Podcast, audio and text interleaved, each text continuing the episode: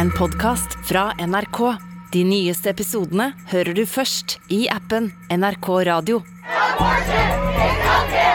Sjokkerte kvinner over hele USA raser. De frykter at hardt tilkjempa rettigheter står på spill, og at fortidas abortredskap, strikkepinnen, er på vei tilbake.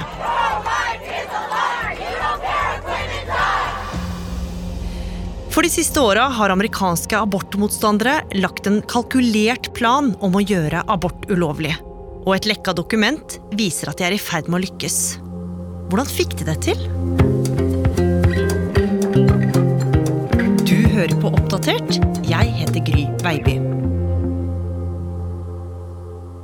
Sofie, når du kom inn her nå og satte deg ned, så ser jeg at dette her, det betyr noe for deg. Ja, jeg har jo mange venner som bor i USA. Jeg har jo venner jeg studerte med som bor i Texas, og de har jo døtre. Og det er jo en ny realitet for de. Det er jo en av delstatene hvor abort kan bli helt ulovlig. Og kanskje også straffbart. Sofie Høgestøl, du har doktorgrad i juss og menneskerettigheter, og er en av landets fremste eksperter på USA. Og det at abort kan bli ulovlig i store deler av USA, det kommer jo som et sjokk på mange. Og det er kanskje bare tidsspørsmål før det her vil skje. For hvis abortmotstanderne får det som de vil, så er forbudet på plass innen sommeren. Hvem vil det gå utover? Det er jo ofte slik at det går utover de eh, som er minst ressurssterke, de som er svakest. Eh, det kan godt være at eh, velbemidlede kvinner i 30-årene kan reise til New York og ta abort. Men hvis du er en ung 16-åring som har, ikke har foreldre som støtter abort, og du blir gravid, og du ikke har penger til å reise utenfor staten, så betyr det at du ikke har tilgang til abort. Men selv om det som skjer nå er sjokkerende, så er det kanskje ikke så overraskende. For sterke krefter i USA har jo jobba for det lenge. Og på mange måter starta det i 2016. For da skjedde det noe som ga abortmotstanderne nytt håp om å få endra abortloven i USA en gang for alle. Ja, for da stilte Donald Trump til presidentkandidat. Og Donald Trump var jo ikke noe um, vanlig konservativ presidentkandidat. Han hadde jo vært gift flere ganger, vært skilt, var ikke spesielt religiøs, så han måtte fri til religiøse kristne velgere. Og det gjorde han i en av presidentdebattene han hadde mot Hillary Clinton. I am pro-life, and I will be appointing pro-life justices on the court. I will say this it will go back to the states, and the states will then make a determination. Og hjemme satt flere hundre tusen kristenkonservative velgere, som er det man kaller for pro-life i USA, altså for livet. Og de mener rett og slett at uh, livet starter ved befruktning, og at enhver abort da er å regne som å ta et liv. Eh, og de var jo på utkikk etter en grunn til å stemme på Trump, og det fikk de når de hørte dette frieriet. Og det at Trump tok så tydelig standpunkt som abortmotstander, det hadde effekt. Donald J. Trump will become the 45th president of the United States, defeating Hillary Clinton in a campaign unlike anything we've seen in our lifetime. Flere grupper som var imot abort, så nå på den nye presidenten som sin hjelper til å beskytte det ufødte liv. De var republikanere, spesielt i sørstatene, evangelske kristne og konservative velgere. Men om de noen gang kom til å klare å gjøre abort ulovlig, var på ingen måte sikkert. For de hadde jo én stor hindring de måtte rydde av veien først, Sofie. De måtte rydde av veien amerikansk høyesterett. Amerikansk høyesterett har i 50 år tolket den amerikanske grunnloven slik at man har en rett til privatliv. Og for kvinner så innebærer den retten til privatliv en rett til å ta selvbestemt abort inntil fosteret er levedyktig. Og denne retten den var grunnlagt i en helt spesiell dom. Nemlig den som har blitt kjent som Roe mot Wade fra 1973. We'll hear arguments number 18, uh, Roe against uh, Wade. The Supreme Court today ruled that abortion is completely a private matter to be decided by mother and doctor in the first three months of pregnancy. Roe v. Wade was a landmark. It effectively legalized abortion across the United States. Før den dommen så kunne delstatene i USA velge selv hvordan de skulle regulere abortspørsmålet. Men så kommer Høyesterett på banen og sier at nei, det er en rett til selvbestemt abort, og da må alle delstatene i USA følge det. Og nettopp derfor ville abortmotstanderne prøve å få Roe mot Wade-dommen fjerna. For hvis de klarte det, så ville ikke abort lenger være en rettighet for alle kvinner, for da vil det være opp til hver enkelt delstat å bestemme sine egne abortregler. Men for å få til det måtte de bytte ut høyesterettsdommerne, altså de som bestemmer hvordan Grunnloven skal tolkes. Ja, og det var jo langtidsstrategien til abortmotstandere i USA. Det var å få på plass et flertall i amerikansk høyesterett av dommere som ville si at nei, det finnes ingen grunnlovsfestet rett til selvbestemt abort. Men det å bytte ut disse dommerne, Sofie, det var lettere sagt enn gjort. Ja, for det, de går jo ikke av med pensjon som de gjør i Norge. I USA, når du først blir høyesterettsdommer, så sitter du for livet. Og mange av de velger jo nå virkelig å sitte helt til de dessverre dør.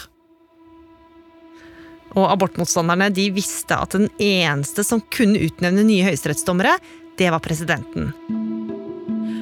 Og like etter at Trump hadde inntatt Det hvite hus, så bød det seg en sjanse. En av de ni dommerne hadde nylig dødd, og valget falt på en konservativ dommer. Today I am keeping another promise to the American people by nominating Judge Neil Gorsuch of the United States Supreme Court to be of the United States Supreme Court.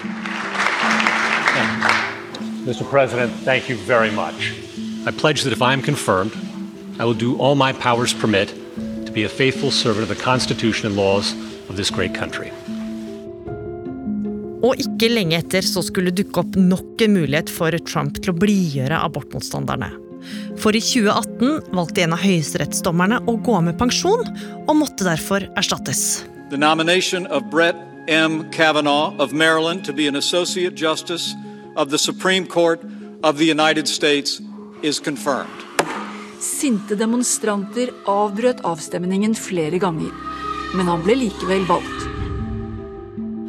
Og med det fikk Trump dytta nok en konservativ dommer eh, på Høyesterett. Nå var republikanerne bare én dommer unna å vippe Høyesterett over i et sikkert konservativt flertall. Og mens de håpa på at en dommerplass skulle bli ledig for å skvise inn den siste dommeren, starta de på en annen viktig oppgave. De ville prøve å få Roe og Wade-dommen, altså den som sikra alle kvinner i USA abort, kjent ugyldig. Og måten de skulle gjøre det på, det hadde de klart for seg. De ville pepre systemet med mange strenge abortlover i håp om at en av dem kanskje ville nå Høyesterett, og med det felle dommen fra 73. Så det disse sørstatene gjorde, det var at de begynte å vedta lokalt abortlover som de visste gikk rett mot det Høyesterett hadde sagt, i håp om at de kunne klage den saken helt opp til amerikansk høyesterett og få det nye konservative flertallet i amerikansk høyesterett å si at vet du hva, vi har feiltolket den amerikanske grunnloven. Dere delstater dere får lov til å bestemme dette selv, fordi det står ingenting i den amerikanske grunnloven om retten til selvbestemt abort. Og mens alle lovene ble foreslått én etter én, så var NRKs daværende utenrikskorrespondent i USA, Veronica Westrin, på plass og fulgte det hele. For Veronica, du dro til Louisiana State Capital dagen de lokale politikerne skulle stemme over et lovforslag som blant annet ville forby abort etter voldtekt og incest. Ja, det var eh, interessant, for jeg ville jo stille de noen spørsmål. Eh, hvorfor de stemte for denne loven. Det var jo ikke bare republikanere der som gjorde det, det var også demokrater. Eh, og det var nesten utelukkende menn jeg traff. Det var vel noen kvinner i salen nå, men det var for det meste menn. Og da jeg spurte de eksempel om det at det skulle være forbudt også ved voldtekt og incest, så var det jo en som virka som han nesten ikke hadde fått det med seg, at det var det han, eh, han stemte over. Så eh, hvor eh, mye de hadde satt seg inn i den saken, alle sammen, det er jeg usikker på etter å ha møtt de. Mm.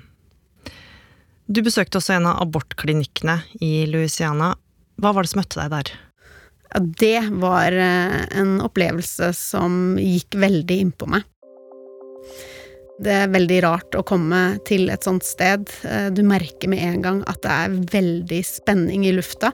Eh, I Louisiana så var det jo bare tre abortklinikker igjen i hele delstaten. Tidligere hadde det vært sju. Eh, så denne abortmotstandsbevegelsen hadde jo jobba hardt for å innskrenke mulighetene for å ta abort. Men utenfor der så sto jo mange av motstanderne, og mange av de remsa opp ja, kristne bibelvers eh, og sang og ja, sto utenfor og ropte da, til de som gikk inn for å ta abort. Og så sto det jo også mange sånne klinikkeskortevakter, da, som er veldig vanlig utenfor eh, abortklinikkene, eh, som er frivillige, som står i grønne vester, og som eh, møter kvinnen idet hun går ut av bilen, de ser henne komme, går bort til henne Eh, fordi de abortmotstanderne står litt sånn tettere på bygningen. Og, og, hjelper de inn, da, sånn at eh, de skal få komme seg inn uten å bli overfalt. Eh, men det er jo, de hører jo de som står utenfor og demonstrerer. Så det var, ja, det var veldig, veldig rart. Og så skulle jeg jo intervjue en av de som jobba på klinikken etterpå også. Og da kunne vi ikke gjøre Jeg kunne ikke komme inn på klinikken. Men vi kunne heller ikke gjøre det utenfor, for hun eh, frykta jo for sin egen sikkerhet. Så da måtte vi reise et stykke unna da, og gå inn i et lokale hvor vi skulle gjøre intervjuet. Men den strenge abortloven som de prøvde å få gjennom i Louisiana, altså at kvinner som er voldtatt eller utsatt for incest, ikke får lov til å ta abort, hva skjedde med den? Den eh, blei jo ikke lov nettopp fordi Roe mot Wade-kjennelsen eh, sier at eh, det er en rettighet til abort i USA. Og Sofie Høgestøl, loven i Louisiana gikk altså ikke gjennom. Nok en gang så satte Roe eh, mot Wade en stopper for abortmotstanderne. Og det skjedde jo med alle lovene som ble foreslått. Ja, alle lovene ble avvist én etter én. Og det er jo fordi at de lavere domstolene som ligger under Høyesterett, de skal jo bruke det Høyesterett har sagt. Så hvis du er en mer juniordommer som sitter på en ankedomstol lavere nede i uh, hierarkiet, så sier du bare vet du hva, Høyesterett har sagt at, at, sånn og sånn og sånn, det, dere må tillate abort inntil levedyktighet. Og sånn er det. For det amerikansk høyesterett de liker jo å følge den praksisen de har satt før. Og særlig hvis de har sagt det samme i 50 år, så er det gjerne det som fortsatt er svaret hvis det kommer opp nye saker. Så abortmotstanderne de kom altså ingen vei. Men så, i september 2020, mens tida til president Donald Trump var i ferd med å renne ut, skulle det skje noe dramatisk. For midt under valgkampen kom det nyheter om den kjente kvinnesaksforkjemperen, den liberale 87-årige dommeren Ruth Bader Ginsburg. Ruth Bader Ginsburg has died at the age of 87. Now, a time for mourning for a remarkable career and life well lived. She meant so much to millions of people's lives. Og Ginsburg hun hadde et siste ønske. Ja, hun ønsket at Trump ikke skulle utnevne en ny høyesterettsdommer før valget. For det skulle jo være valg i USA da, i november. Så han døde jo bare noen uker før det presidentvalget. Men Donald Trump han brydde seg ikke så mye om det siste ønsket. Nei, han hadde jo lovet sine velgere at han skulle utnevne gode, konservative høyesterettsdommere. Og hvis du er amerikansk president, så er jo det å utnevne en høyesterettsdommer, for det er jo bare ni av de. Kanskje noe av det største og mest langvarige du gjør som president. Og det å da få, plutselig få muligheten til å utnevne en tredje person Da har du plutselig utnevnt en tredjedel av hele Høyesterett. Og de hadde, republikanerne hadde et flertall i Senatet som kunne godkjenne en ny høyesterettsdommer. Og Donald Trump han valgte katolikken Amy Coney Barrett. Og Barrett måtte i høringer før hun ble godkjent. Der ble hun spurt ut av de demokratiske representantene om hva hun syntes om Roe mot Wade-dommen. Do you agree with Justice Scalia's view that Roe was wrongly decided? Senator, I completely understand why you are asking the question, but I can't pre commit or say, yes, I'm going in with some agenda because I'm not. I don't have any agenda. I have no agenda to try to overrule Casey. Um, I have an agenda to stick to the rule of law and decide cases as they come. Det ble ikke klart hva hun egentlig mente, og hun ble til abortforkjempernes store frustrasjon innsatt. Nå var republikanerne fornøyde, for med det var sammensetninga i Høyesterett endra i konservativ retning for mange tiår framover. Og med det var alle brikkene på plass for å kunne gjøre store endringer. Republikanerne hadde sendt inn masse antiabortlovforslag, og alt de trengte nå, var at én av disse lovene ble anka videre til Høyesterett. Og i desember i fjor skulle de få napp. Ja, for Mississippi, som er en av disse konservative delstatene som ønsker å begrense abort, de hadde skrevet en abortlov hvor de begrenset tilgang til abort til uke 15. Og som vi husker, så sier jo denne Roe versus Wade-dommen at man skal få tilgang til abort til fosteret er levedyktig sånn rundt uke 22-23. da. Så man visste jo at disse 15-ukegrensen som Mississippi prøvde seg på, det var i strid med det Høyesterett har sagt er minimumsstandarden som alle må følge på abortfeltet.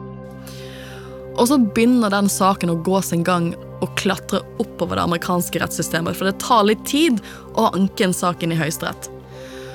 Og Vanligvis så ville jo amerikansk høyesterett sagt nei til denne saken, her, for de ville sagt at her har dere vedtatt en lov som strider med det vi har sagt i 50 år om abortrettigheter, så det er nei. Det får dere ikke lov til. Men nå har jo man Amy Coney Barrett i Høyesterett, og da kommer Høyesterett til et annen konklusjon og sier vet du hva, den saken der, den vil vi ta. Endelig hadde republikanerne greid å få en streng abortlov til vurdering. Og Høyesterett de begynte å jobbe med dommen. Utkast ble skrevet både for og imot, og i flere måneder så visste ingen hva de ville innstille på. Men så, tidlig i mai i år, så skjedde det noe som nesten aldri har skjedd før i amerikansk historie. Nyhetsnettstedet Politico hadde fått tak i et lekka domsutkast. We do have some breaking news that Politico is reporting that the Supreme Court has voted to overturn abortion rights. The US Supreme Court could be about to overturn the nationwide legal right to abortion, according to an unprecedented leaked draft of a court document. Og det som sto i utkastet, det var radikalt, Sofie. Ja, for det første så gjorde det utkastet det klart at disse fem konservative dommerne, hvorav tre av de er utnevnt av Trump, de står sammen om å mene at abortavgjørelsen til amerikansk høyesterett har vært feil. Og de ligger ikke mye imellom i dette utkastet når de skriver om det, for der skriver de at Roe was egregiously wrong from the start. Altså at Roe var skikkelig feil helt fra starten. Og de sier jo også at its reasoning was exceptionally weak. At den måten de resonnerte på i dommen, var skikkelig svakt. Eh, og mener at den saken der har vært med på å rett og slett fordype polariseringen i USA. Med andre ord, de ville fjerne retten til abort. Og så fort det ble kjent, tok demonstranter til gatene over hele USA. The most um, vulnerable women will be the most uh, affected by this. Access is already difficult, um, so imagine how it's going to be when it's not legal. It's, it's just. It really just feels like every all the work we put into was just torn up and thrown in the garbage, and it's honestly ridiculous to me. It feels like I jumped in a time machine and went back. Tidligere presidentkandidat Elizabeth Warren ble sett gående utenfor kongressbygningen. Hun var rasende. I am angry because of who will pay the price for this. This will fall on those who have been raped. This will fall on mothers who are already struggling. Men om det blir vedtatt, og denne grunnlovsfestede rettigheten i USA forsvinner, hva vil skje da? Det som vil skje, det er ganske enkelt at man vil gå tilbake til slik det var før Roe versus Wade på 70-tallet. Og det er at delstatene selv bestemmer hvordan de ønsker å regulere abortspørsmålet. For da fins det ikke noen minstestandard i Grunnloven som alle må følge. Og da er det delstatene som bestemmer selv. Og i praksis så vil vi jo tenke at det betyr at New York, for eksempel, som er en liberal stat, de vil fortsette å by aborttjenester, og tilby aborttjenester som er mer utstrakt enn det vi gjør i Norge, for eksempel. Mens andre stater som Mississippi og Louisiana, de nok fort kommer til å gjøre abort helt uh, ulovlig. Det som også har blitt kjent i det siste, er at flere republikanske stater de står klare med ferdiglagde antiabortlover som inntreffer i det sekundet Roe mot Wade-dommen faller. Og da snakker vi at minst 13 stater har abortforbud innen sommeren.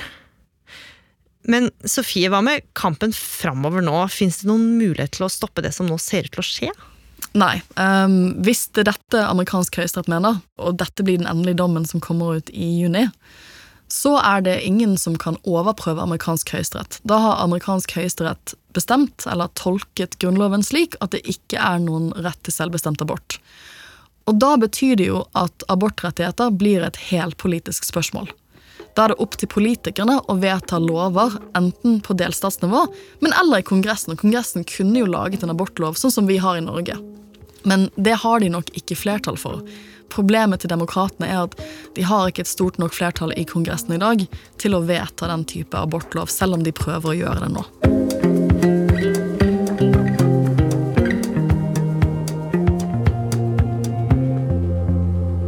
Oppdatert er en podkast fra NRK Nyheter. Og denne episoden er laga av Martin Holvik. Tiril Mattisdatter Solvang.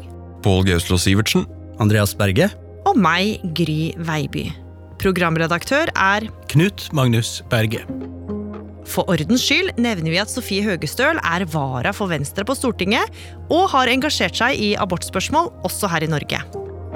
Du har hørt klipp fra The Guardian, CNBC, CNN, JCR Forerunner, Newsguy, C-SPAN, NBC, MSNBC, Fox, BBC og NRK i denne episoden.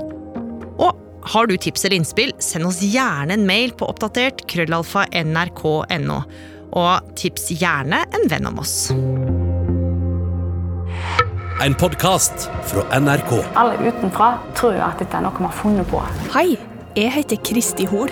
Over hele landet finnes det ordløste mysterier. Straks ble hun angrepet av en stor bjørn. Oss tar det med dit de oppsto, og forteller historiene. Jeg var antagelig sist, kanskje, den siste sesongen i livet. Møt dem som har kjent det på kroppen. Hun var råtten i ansiktet. Det kom bare sånn surklelyder ut av henne.